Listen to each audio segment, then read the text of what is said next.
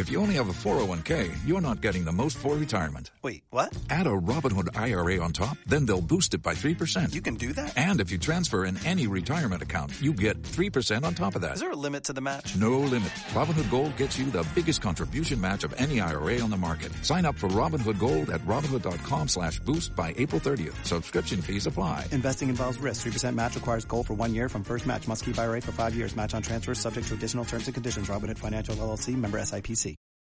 Hola, buenas, buenas tardes. Uh, yo no tengo el prestigio que tiene mi compañero Moreno.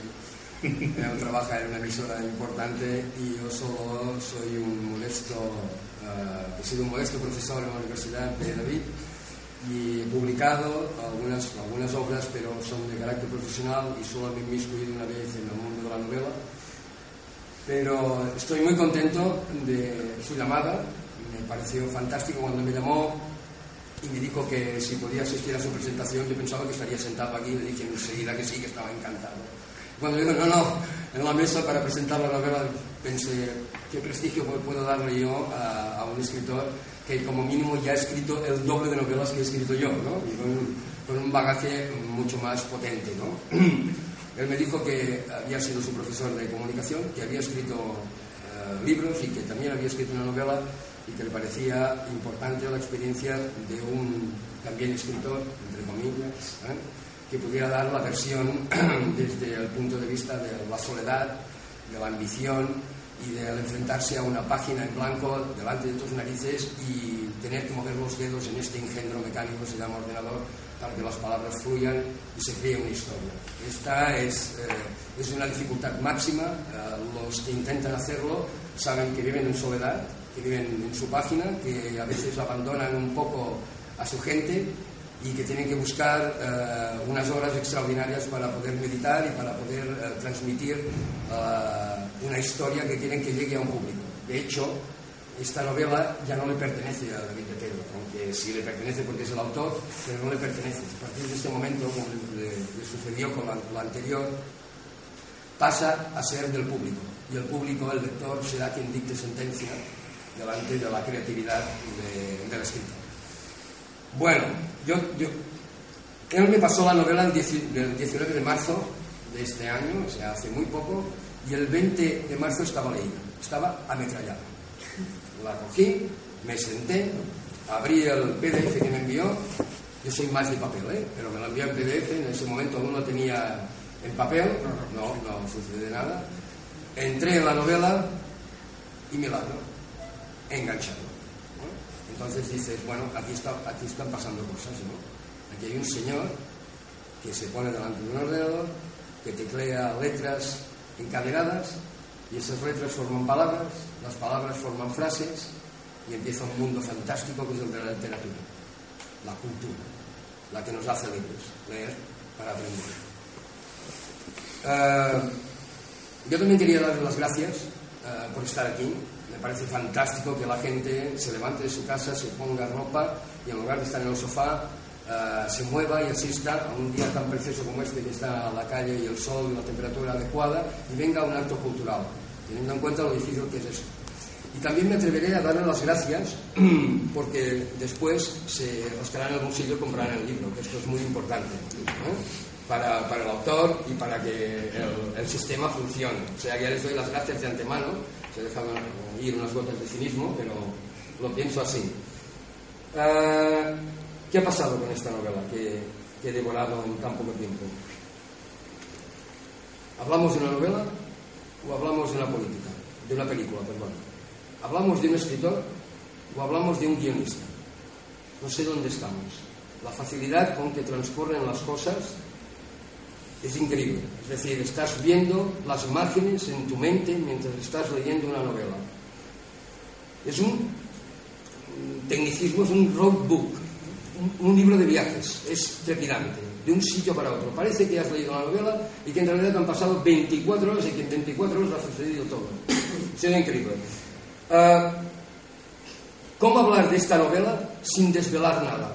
Más que lo que él ha puesto en la sinopsis de ella para publicitarla, ¿no? Dejar unas gotas de lo que puede suceder, hablar de unos personajes que se ven inmersos en una historia que no tenían planteada eh, acometer, ¿no? Es como el Oscar de, de la revelación de Qumran. A mí me gustan los antihéroes, aquellas personas que no son héroes y que se ven atrapadas en la situación de tener que hacer algo, de tomar una decisión y de poner un poco de valentía aunque no la tengan en su interior. Me parece personajes fantásticos. Uh, hubo una época en que, en que fui un cinéfilo empedernido. Era muy joven. De hecho, veía películas que intelectualmente en ese momento no podía comprender, pero las devoraba. Veía a Kubrick, veía a Max Ophuls, a Theo Dreyer, veía a, a Bergman, y habían cosas que no comprendía, que no tenía la edad suficiente para comprenderla, pero me apasionó. Y fruto de eso, al leer 88 La Nueva Generación, siempre que estaba pasando las páginas, veía cine. Y en lugar de explicarles la novela, les daré una serie de títulos, de autores, de escritores y de películas, para que se puedan hacer una idea y a ver si les, les pongo un shock en su mente para que piensen que todo esto está inmiscuido aquí, ¿no? en una novela de 300 y pico páginas. Bueno, primero el 88. Cuando leí 88, la novena generación, no pensé que estaría hablando de la época de, las, de, de los pantalones de, de, campana y de las americanas con hombreras y que estaríamos oyendo Alaska y Dinarama ¿eh? en, en los 80, sino que pensé rápidamente, cuando ya había leído la sinopsis, pensé 88, esto ya lo has visto en otro sitio. Y era cierto. Lo había visto en Edward Norton en una magnífica película que se llama American History X, en la cual el protagonista lleva tatuado el 88. El, 80, el 88 es primordial, entender qué quiere decir 88. Y esto lo van a, a, entender cuando lo lean, no se lo voy a desvelar. Pero ya, ya tuve un shock fílmico en, en el primer instante, ¿no? Luego, dos protagonistas, Axel Jones y Miranda Robal. Bueno, cuando tú lees, te haces, te haces al personaje, lo miras y dices, ¿a quién te parece?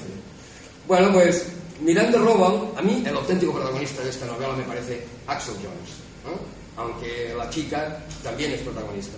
Pero Miranda Robal para mí fue una, una mezcla de April, la periodista de las Tortugas Ninja, y una estética a los Sharon Stone y, y Michelle Pfeiffer, una cosa así me la imaginé. Cosa eh, curiosa me pasó con el otro protagonista, con Axel Jones, al cual mmm, le he visto el humor de, de, Adam Sandler, le he visto un poco de agresividad a lo Bruce Willis, pero lo he visto claramente como Russell Crowe en una película magnífica que se llama A la sombra del poder. He visto al periodista, a Russell Crowe, en, este, en el personaje de Axel Jones. ¿Qué hay más? Delante de los buenos tienen que haber malos malísimos. ¿no? La teoría, la, la, tesis doctoral de, de Shalaman en El Protegido. ¿no? Un superhéroe necesita un supervillano. Y aquí hay un supervillano. Hay más de un supervillano, pero hay un supervillano. Un tal Tommy Lee Morgan. Me pareció el reverendo Harry Power de la magnífica película el, La noche del cazador de Charles Lawton. Amor y odio, amor y odio. Veía a Robert Mitchum. Ya te he dicho que hace muchos años que veía cine. ¿eh? Uh, malo, malísimo. Un motivo, el, el del neonazismo. Una cosa que está muy en boga. Si están leyendo, viendo las televisiones, verán que en países como Hungría, lugares así, parece que empieza a haber un afán por intentar resurgir esta lacra esta mediocridad que es el intentar imponerse delante de las otras personas por una idea, sin diálogo, sino a la fuerza. Bueno, aquí en el motivo ya me trasladé rápidamente a una escritora fantástica que se llama Ira Levin, que escribió una, novela que luego se transformó en película llamada Los, Los Niños del Brasil, en la cual también he visto inspirado el motivo de, de, la novela. O sea, me recordó mucho a Los Niños del Brasil. Ira Levin, eh, quizá no lo reconozcan por Los Niños del Brasil, pero escribió otra novela fantástica que se llamaba El bebé de Rosemary, que aquí eh, fue eh, titulada La semilla del diablo, una película fantástica basada en esta, en esta escritora, increíble. Eh, ¿Qué he visto más?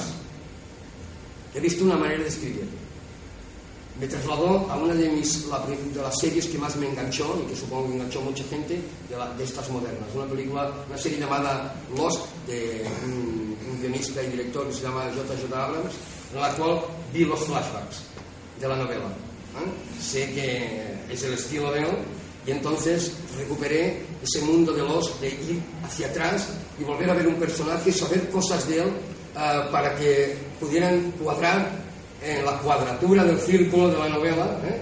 Y entonces te va mezclando capítulo flashback. Capítulo flashback, capítulo flashback lo encontré muy original. Uh, y luego, mm, revisando, viendo Qumran, vi que ya lo había practicado y que era su estilo, ¿no? Una manera de escribir, un estilo. He visto el, el, sur de los Estados Unidos.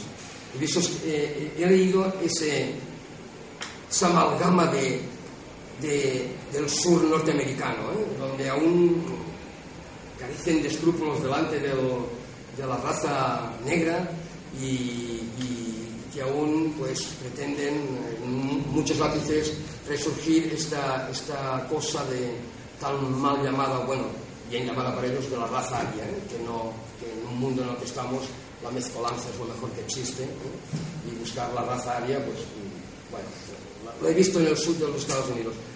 Recientemente he visto una serie magnífica que se llama True Detective, que ha, ha, causado furor en la red y bueno, la, se ve que ha sido muy seguida. Me vi impregnado porque amigos míos me decían tienes que ver esto, tienes que ver esto.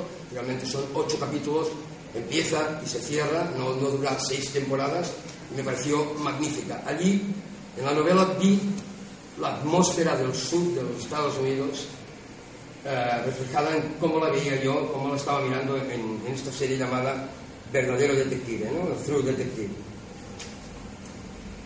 Y también he visto la lista de Schindler aquí. También he visto a ese magnífico actor Ralph Fiennes interpretando sanguinariamente uh, al nazi que mata despiadadamente, o que hace matar despiadadamente. Y también tenemos uh, a nuestro a nuestro judío de turno, a Saúl Larsky, cuando leí Saúl, con esta historia que tengo del cine puesto, me fui a Holland rápidamente ¿eh? y vi al judío Saúl de la CIA, pues el nombre ya me inspiró rápidamente, ¿no? Y, y vi a, a, a, me he perdido un momento, ¿eh? Vi a Stern, el judío de, de, de Schindler, el ayudante de Schindler, ¿no? El, el actor aquel lo vi en, en, en Saúl uh, Lasky y en Laszlo Lasky. Lo veía, lo, me lo transmitía. ¿eh?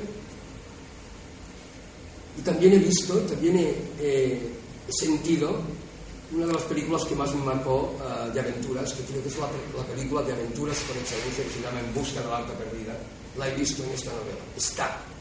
Está en la, en la búsqueda de una cosa muy importante que sucede en ella.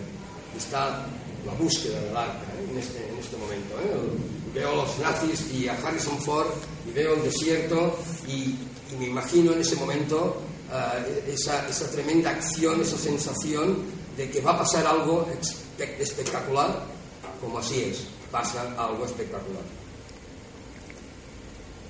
Y también está Odessa, de Frederick Forsyth, un magnífico escritor, una novela que a mí me impactó muchísimo cuando la leí. Está Odessa he visto a Odessa y he visto a Forsyth en sus líneas. He visto muchas cosas en David de Pedro.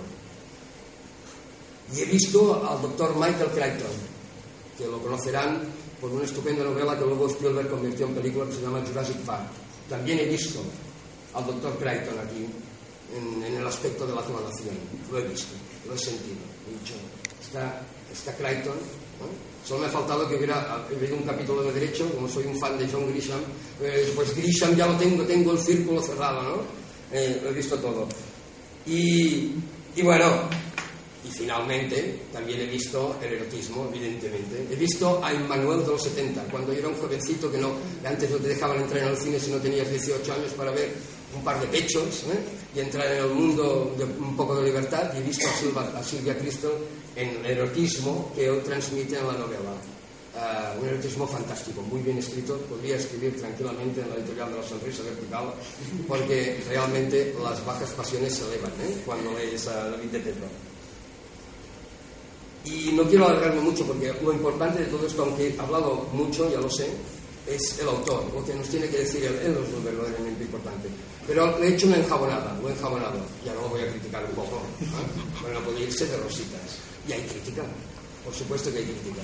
La crítica que les voy a decir que, que hay es que les advierto que tendrán que hacer un curso de pronunciación en alemán para leer todos los nombres alemanes que salen en esta novela. Yo creo que vale más que lo dejen ir y lo vean tal como quieran, porque si no estarán dos minutos para pronunciar exactamente el Schaffer, el Flying, el, todos los nazis que salen. Uh, y eso es todo. Esto uh, creo que 88 la nueva generación es una película y creo que David Pedro es un guionista.